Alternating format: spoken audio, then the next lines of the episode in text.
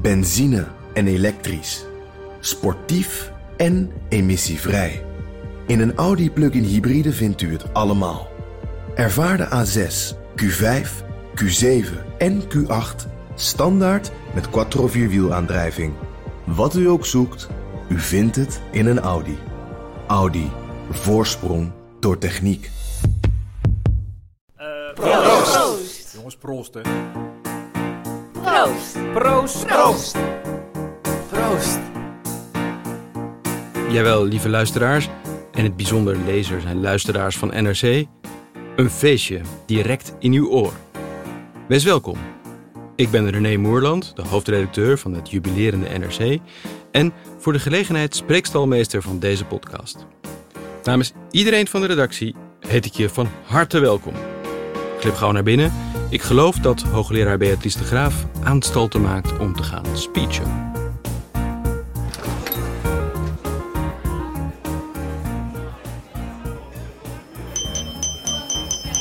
Is de microfoon zo goed?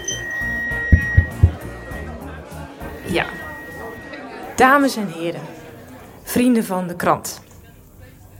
Lees en huiver, schreef het Rotterdams Nieuwsblad, de voorloper van uw krant, in 1892 over een grote aanslag van anarchisten die in Parijs had plaatsgevonden. Ik wil jullie vandaag wat vertellen over de manier waarop de krant met terroristen omging en terroristen met de krant. Want daar bestaat een interessante relatie tussen. Dus op het moment dat we het feestje vieren van de krant, moeten we ook dit soort dingen meenemen. Hoe is de krant in het verleden met terrorisme omgegaan? En is er een specifieke Nederlandse, of misschien zelfs wel een specifieke NRC-achtige omgang met terrorisme?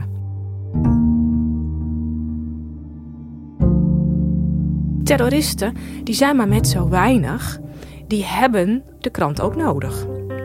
Als zij met meer zouden zijn geweest en meer draagvlak hadden gehad, dan hadden ze wel een politieke partij opgericht of een leger gevormd. Maar terroristen zijn altijd maar een handjevol types. Dus die terroristen die moeten hun, hun eigen schaduw opblazen. En daar hebben ze de aandacht in de media voor nodig. Om het nieuws, om hun schrikideeën over de wereld te verspreiden terroristen gedijen, en dat is inmiddels wel bekend. Daar zelf ook een keer een boek over geschreven. Dat heet Theater van de Angst. En dat is precies wat terroristen willen. Nou, hoe gingen de Nederlandse kranten er nou mee om? Hoe ging de NRC daarmee om? De voorlopers van het NRC moet ik zeggen. We vieren het feestje van het NRC Handelsblad. Maar dat bestaat natuurlijk pas sinds 1970. Dus daarom spreek ik de hele tijd over Rotterdamse Courant, Algemeen Handelsblad en een nieuwe Rotterdamse Courant. Uh, want die kom je wel volop tegen. Die hebben ook echt veel over terrorisme geschreven. Nou, hoe deden ze dat nou? Hebben ze de terroristen geholpen of niet? Hadden die terroristen wat aan? Nou, dat wil ik graag uitleggen. En ik heb dat gedaan voor een, uh, een onderzoeksprojectje wat ik de afgelopen maanden heb uitgevoerd. Door eigenlijk eens te gaan proberen te kijken hoe ver terug je kunt gaan in de Nederlandse geschiedenis. In het lezen over terrorisme in de krant. En dat kan tegenwoordig veel makkelijker dan vroeger. Toen moest je naar de KB toe, de Koninklijke Bibliotheek in Den Haag. Moest je eindeloos al die oude mottige kranten doorpluizen. En heel veel vielen bijna uit elkaar, dus die mocht je sowieso niet zien. Maar de KB heeft al die kranten gedigitaliseerd. Er is een database, Delver, kan ik u ook aanraden. Is voor iedereen eh, toegankelijk. En dan kun je dus gewoon oude kranten digitaal raadplegen. Uh, en het interessante is dat je ze ook kunt doorzoeken. Dus je kunt de termen terrorisme en terreur ingeven. En zo simpel heb ik het dan ook in eerste instantie uitgevoerd. 1929 terroristische aanslagen. Terrorisme van anarchistische groepen 1923. Zeeliedestaking 1917. 1925, 1914. De onlusten in Midden-Duitsland. Een geweldig terrorisme heerste wat het nemen van maatregelen noodzakelijk maakt. Arbeiders vreesden een nieuwe staatsgreep van rechts 1910. Het terrorisme van de communistische leiders. De Indische beweging 1925. Nou, waar begin je dan hè, als je kijkt naar terrorisme in de krant? Begin je dan bij terrorisme of begin je bij de krant? Nou, in dit geval wordt vaak gezegd dat terrorisme van alle tijden is. In de vierde eeuw had je al terroristen die in Noord-Afrika het Romeinse Rijk onveilig maakten. Uh, maar ik begin eerst nog even bij de krant. Hè, wanneer begint nou de krant? Interessant is dat uh, je al in Nederland vanaf de 17e eeuw uh, papieren hebt, pamfletten, dingen die erop lijken alsof het een krant is, zoals vandaag de dag. Nou, die kranten kun je dus bekijken. En dan na de Franse Revolutie, 1789 en in Nederland vooral in 1795, de Bataafse Republiek, dan komen er nog weer een dubbel zoveel nieuwe couranten bij. En je hebt dan al de Amsterdamse, de Rotterdamse, de Haarlemse, de Utrechtse, de Groningse, de Leeuwarden Courant en nog een aantal. Uh, en het Handelsblad. En dan komen er ook de Bataafse, Vaderlandse, Constitutionele, Republikeinse en Revolutionaire bladen bij. Maar die laatste hebben niet heel erg lang geleefd. Nou, die kranten kun je dus bekijken. Uh, en na de inlijving van Nederland in Frankrijk worden die kranten eigenlijk allemaal Frans. Voorheen waren ze ook vaak in het Frans. Maar dan als Napoleon weg is, Nederland is bevrijd, dan leeft echt het krantenleven op. En gedurende de 19e eeuw neemt de krant steeds meer de vorm aan die we nu kennen. Uh, in het begin van de 19e eeuw is het een kwarto-formaat, 6 tot 8 pagina's, kleine lettertjes. Maar interessant is dat er dan ook al steeds veel meer opinies bij komen editorials, zoals dat vandaag heet, meningen, ingezonde brieven aan mijn heer de redacteur uh, en ook heel veel nieuws uit het buitenland. Vaak werden de buitenlanden die er voor Nederland toe deden ook gewoon echt op land gerangschikt en dan werd verteld wat er allemaal gebeurde. Nou, daar ben ik dus bij begonnen. De Nieuwe Rotterdamse Courant, 21 september 1869. Duitsland. De Börsenzeitung wil weten dat de kroonprins van Pruisen tegenwoordig zal zijn bij de Ook de Madridse correspondent van de Monitor Universel gelooft dat de Carlisten niet ontmoedigd zijn. Noordport Arlington geeft met betrekking tot de Ierse landkwestie aan de pachters van Tipperary den raad om meetings te beleggen ten einde hun belangen te bespreken en hun meningen uit te En wat kom je dan tegen? Als je kijkt in de kranten, dan komt het woord terreur inderdaad al vanaf de 17e eeuw voor. Maar terreur duidt dan eigenlijk helemaal niet nog op het terrorisme wat we nu kennen. Terreur, dat wordt vaak gekoppeld aan de toorn van God. En Nederland, Europa, je ziet hetzelfde ook in andere westerse landen. Dat waren landen waar christelijke religie dominant was. En de vrezen des Heren, de terror van God, dat was waar de mensen voor sidderden. Dat werd ook aangeroepen. Uh, en die toorn van God, die werd ook geprojecteerd op koning, op vorsten. Maar die was eigenlijk wel iets positiefs. Je onderwierp je aan de toorn van God, de vrezen des Heren. Dat was eigenlijk iets goeds als je daar eerbied voor had. Net zoals je eerbied had voor de toorn van de koning, voor de vorst die met zijn legers de vijanden zou verslaan. Dus het was ook iets waar je achter kon schuilen. Nou, dat is dus een interessante begripsvorming rond het begrip terreur. Pas in 1795 komt het woord terreur ineens veel vaker voor. En ook het woord terrorisme komt er voor het eerst voor. En dat is eigenlijk het breukpunt. Vanaf de Franse Revolutie zijn we terreur en terrorisme gaan kennen zoals we er nu over praten. En dat zie je ook in de krant terug. Er wordt dan bijvoorbeeld gesproken over de terreur van het regime van Robespierre, ook in Nederland. Natuurlijk nog niet in uh, de kranten die onder Napoleon verschenen. Dus bijvoorbeeld die kranten die tussen 1810 en 1813 verschenen, die werden hevig gecensureerd. Maar verder was Nederland ook een land waar al vrij vroeg heel vrij uit in de krant kon worden geschreven over alles en nog wat. Engeland was ook zo'n land met een liberale pers. Andere landen, zoals Pruisen of Oostenrijk of Frankrijk ook, zeker uh, in de periode van het begin van de 19e eeuw. Daar heerste nog veel strengere censuur, maar niet in Nederland. Na 1815, dus na de bevrijding van Frankrijk, dan zie je dat dus die kranten, wat ik al noemde, hè, als paddenstoelen uit de bodem uh, schieten. Maar dat ook er vaker over terreur en terrorisme wordt gesproken. Maar nu is er iets interessants met het begrip terreur. Hoe werd er nu over terreur en terrorisme gesproken? Dan moet ik eerst nog even iets uitleggen over de Franse Revolutie. U weet, de Franse Revolutie ontaarde al vrij snel in het regime van de terreur van Robespierre met de guillotine. Iedereen die niet dezelfde mening was toegedaan of die als een gevaar voor de volksgezondheid werd beschouwd, eh, die werd geofferd op het hakblok van de guillotine. En dat was een instrument van de terreur. Volgens de aanhangers van dat terreurregime was dat ook een, een gezond instrument. Een beetje zoals de toorn van God. Dan was het nu de toorn van, van het volk om uh, de samenleving gezond te maken. Maar nadat dat systeem ten einde kwam, in 1815, de vorsten weer op de troon zaten, was dat natuurlijk het schrikbeeld, de rode terreur. Tegelijkertijd werd terreur eigenlijk op twee manieren opgeknipt. Je had terreur van de overheid, van de staten. Dus het terreurregime van Robespierre, toen dat een regeringsregime werd. Een, een schrikbewind, een terreurbewind. Dat woord zie je vaker terugkomen.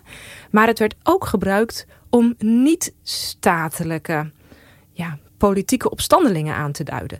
De niet-statelijke terroristen die zich verzetten tegen het gezonde systeem van de overheid. Dus de mensen die zich na 1815 in bijvoorbeeld Duitsland verzetten tegen de Pruisische regering, die werden in Duitsland terroristen genoemd. In Nederland duikt het woord terrorisme in de Rotterdamse Courant voor het eerst op in de jaren 1830 en er wordt gesproken over de terreur en het terrorisme van de Belgen die zich verzetten tegen het vaderlijk regime van koning Willem I. Dat is eigenlijk al best een hele moderne manier om tegen terrorisme aan te kijken. Opstandigheid, dreiging, geweld tegen de overheid met het doel om de samenlevingsschrik aan te jagen en politieke hervormingen te bewerkstelligen. Dat is ongeveer de definitie zoals we die nu hebben. In die tijd was er nog geen definitie. Er is pas een soort van internationale definitie gekomen rond 1934. Dus het heeft lang geduurd. Dus in de 19e eeuw werd over terrorisme gesproken zonder dat het een juridische categorie was.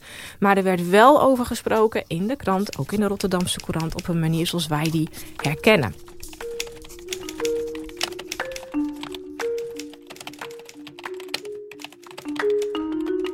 Dan is de vraag: hielp het spreken over terrorisme in de krant? Hielp dat nou de terroristen? Ik kijk naar de regicides, de koningsmoordenaars van de Franse Revolutie. Uh, dat waren er eigenlijk helemaal niet zoveel. Maar doordat al vrij snel in heel Europa over de hele wereld het nieuws werd verspreid, bereikte het een immens publiek. En sidderde iedereen ervoor. En ze sidderden er niet alleen toe, maar ze sidderden nog decennia, eeuwen later. De Rode Terreur is een schrikbeeld, een nachtmerrie gebleven voor allerlei vorsten en regeringen en staatssystemen, waar dus later de terroristen heel makkelijk een beroep op konden doen. Troelstra werd als rode terrorist beschouwd. Dat werd ook in de krant zo beschreven. De Belgen in 1830, eh, de Franse opstandelingen in 1870 werden ook hier in het handelsblad als terroristen beschouwd. En de angst was dan dat die terroristen met hun geweld, met hun aanslagen opnieuw eigenlijk een omwenteling van de, van de heersende orde, een, een, een, een ondermijning van de openbare orde en veiligheid zouden bereiken. Er zou weer bloed vloeien op straat, de bezittende klasse zou worden ontroond, eh, de elite zou uit zijn plusje worden geheven. Daar was men gewoon doodsbenauwd voor.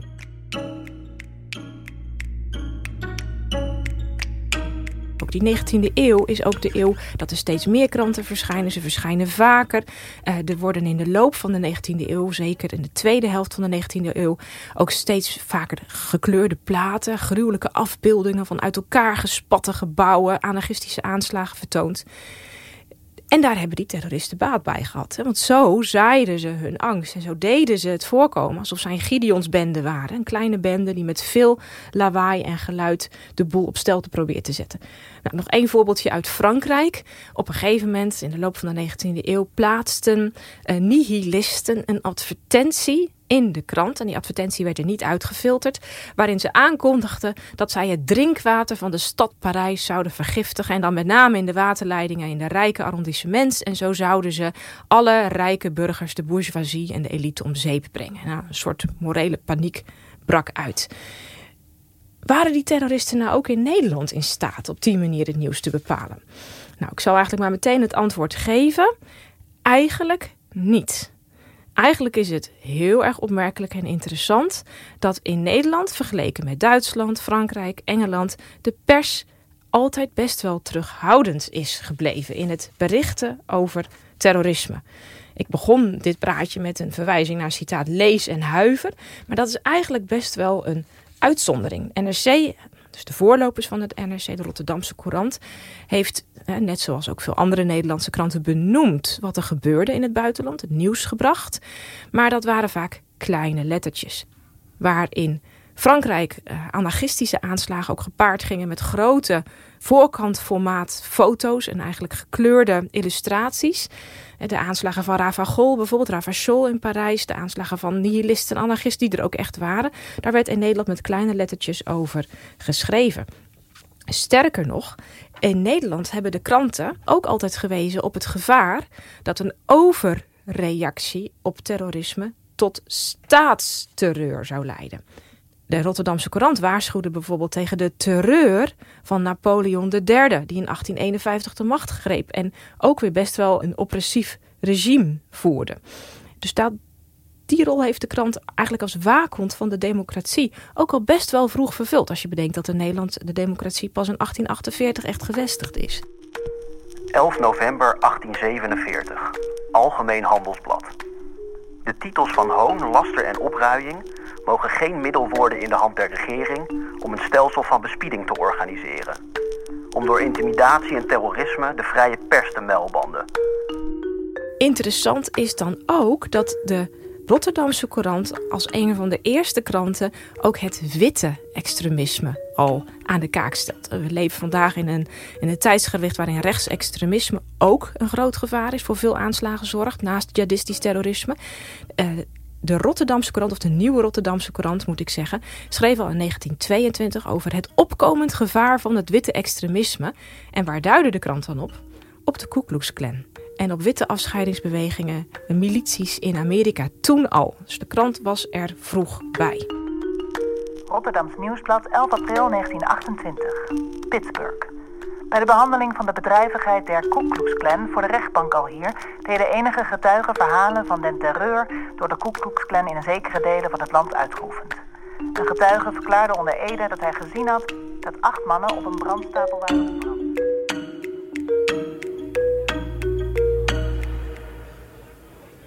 Nou, het is een feestje, maar er is toch nog wel één dingetje dat ik moet noemen. Wat je toch, uh, uh, ja, hè, we kunnen de geschiedenis niet helemaal uh, mooi poetsen. Dat is ook helemaal niet mijn bedoeling. Er is nog één moment geweest waarin de Nederlandse media wel vrij ver gingen in het verder opblazen van morele paniek rond terrorisme. En dat is de periode geweest net voor de Tweede Wereldoorlog en net na de Tweede Wereldoorlog. Hè, want tijdens de Tweede Wereldoorlog waren de kranten in Nederland aan censuur onderhevig. Net voor en net na de Tweede Wereldoorlog werd opstandigheid in de Nederlandse koloniën werd de Indische jeugdbeweging door het NRC, voorlopers van het NRC, als communistisch terrorisme gebrandmerkt. En uh, de regering werd ondersteund in zijn strijd tegen dat terrorisme. De Bersiap-beweging van na de Tweede Wereldoorlog, die ook gewelddadig was, werd ook als terreur en als terrorisme beschouwd. Waar je tegenop mocht treden, omdat terreur en terrorisme immers de orde ondermijnen. Die goede orde die Nederland daar had gebracht in de koloniën. En daar waren de kranten in Nederland weinig kritisch. In ieder geval niet op dat moment zelf, pas veel later. Nou, tot slot, waar staan we nu? In Nederland is terreur dus een verschijnsel van al meer dan 200 jaar oud. De kranten waren hierin in Nederland geen nuttige idioten. Ze hebben terughoudend gerapporteerd, feitelijk gerapporteerd. Ze hebben ook na 9-11, daar heb ik het nu nog niet zoveel over gehad, maar dat weet u allemaal nog wel hebben de grote kranten, dus de Volkskrant, het NRC, het Parool, lang gewacht met gebruiken van, van termen als moslimterrorisme. Of dat hebben ze eigenlijk nooit echt gebruikt. Jihadisme werd nauw omschreven. Um, ook toen nog zeer recentelijk, 18 maart 2019, vorig jaar in mijn stad Utrecht, een aanslag werd gepleegd door een dader die ook echt met jihadistische motieven koketteerde. Toen werd er gesproken over een schietincident. Dus je zou kunnen zeggen, de krant heeft altijd een traditie gehad om terughoudend, feitelijk, je zou kunnen zeggen fatsoenlijk over terrorisme te berichten. Het probleem alleen nu is uh, dat de krant natuurlijk geen gatekeeper meer is. Het is geen poortwachter meer van terrorisme gerelateerd nieuws. Dat is de krant 200 jaar geweest, maar sinds eigenlijk de eeuwwisseling sinds de, nou, je zou kunnen zeggen, de jaren nul van, van de 21ste eeuw, eh, krijgen kinderen, jongeren, mensen hun nieuws over Christchurch, over de aanslagen in Utrecht, eh, van internet, van elkaar, van allerlei social media portals. En dan is het de vraag, hoe verhoudt de krant zich hiertoe? Kan je dan je fatsoenlijke rol, je terughoudende rol blijven bewaren als in de social media al moord en brand wordt geschreeuwd? Premier van Nieuw-Zeeland, Jacinta Ardern, heeft daarom de media opgeroepen om te proberen geen verdere aandacht aan hypes te geven. En ook bijvoorbeeld namen van daders zo min mogelijk of niet te noemen. En dat is belangrijk, want op die manier houd je dus dat theater van de angst klein. Nou, ik denk dat de kranten toch nog steeds een belangrijke rol vervullen. Kinderen en jongeren, ik heb dat onderzocht met mijn team in Utrecht op allerlei scholen, die vertellen weliswaar dat ze hun nieuws van social media en van het schoolplein krijgen. Maar ze vertellen ook dat ze dat nieuws vaak niet betrouwbaar vinden en toch even kijken op de NOS-site. En zelfs sommigen ook even op de sites van de echte kranten, zoals ze dat noemen. Een hype is pas echt als NOS en NRC het bevestigen. Kortom, 230 jaar na de Franse Revolutie is terreur zoals wij dat kennen niet meer weg te denken. Maar de Nederlandse krantentraditie van schrijven en omgaan met terreur is een nobele. Over het algemeen verstandig en terughoudend. En dat is een feestje waard. En daarom wil ik graag een toast uitbrengen op verstandige hoofdredacteuren en journalisten die zich niet laten meevoeren door de waan van de dag. Proost! Proost! Proost!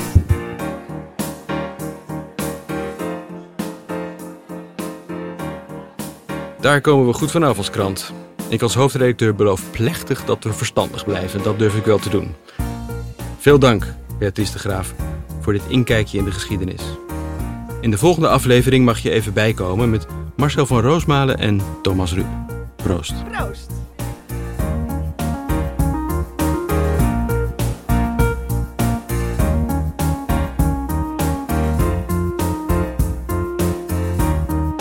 Aan deze aflevering van NRC Proost werkte mee tekst Beatrice de Graaf, presentatie René Moorland, concept en productie door Marion Op de Woord, regie en montage door Eliane Meijer en eindmix Arno Peters.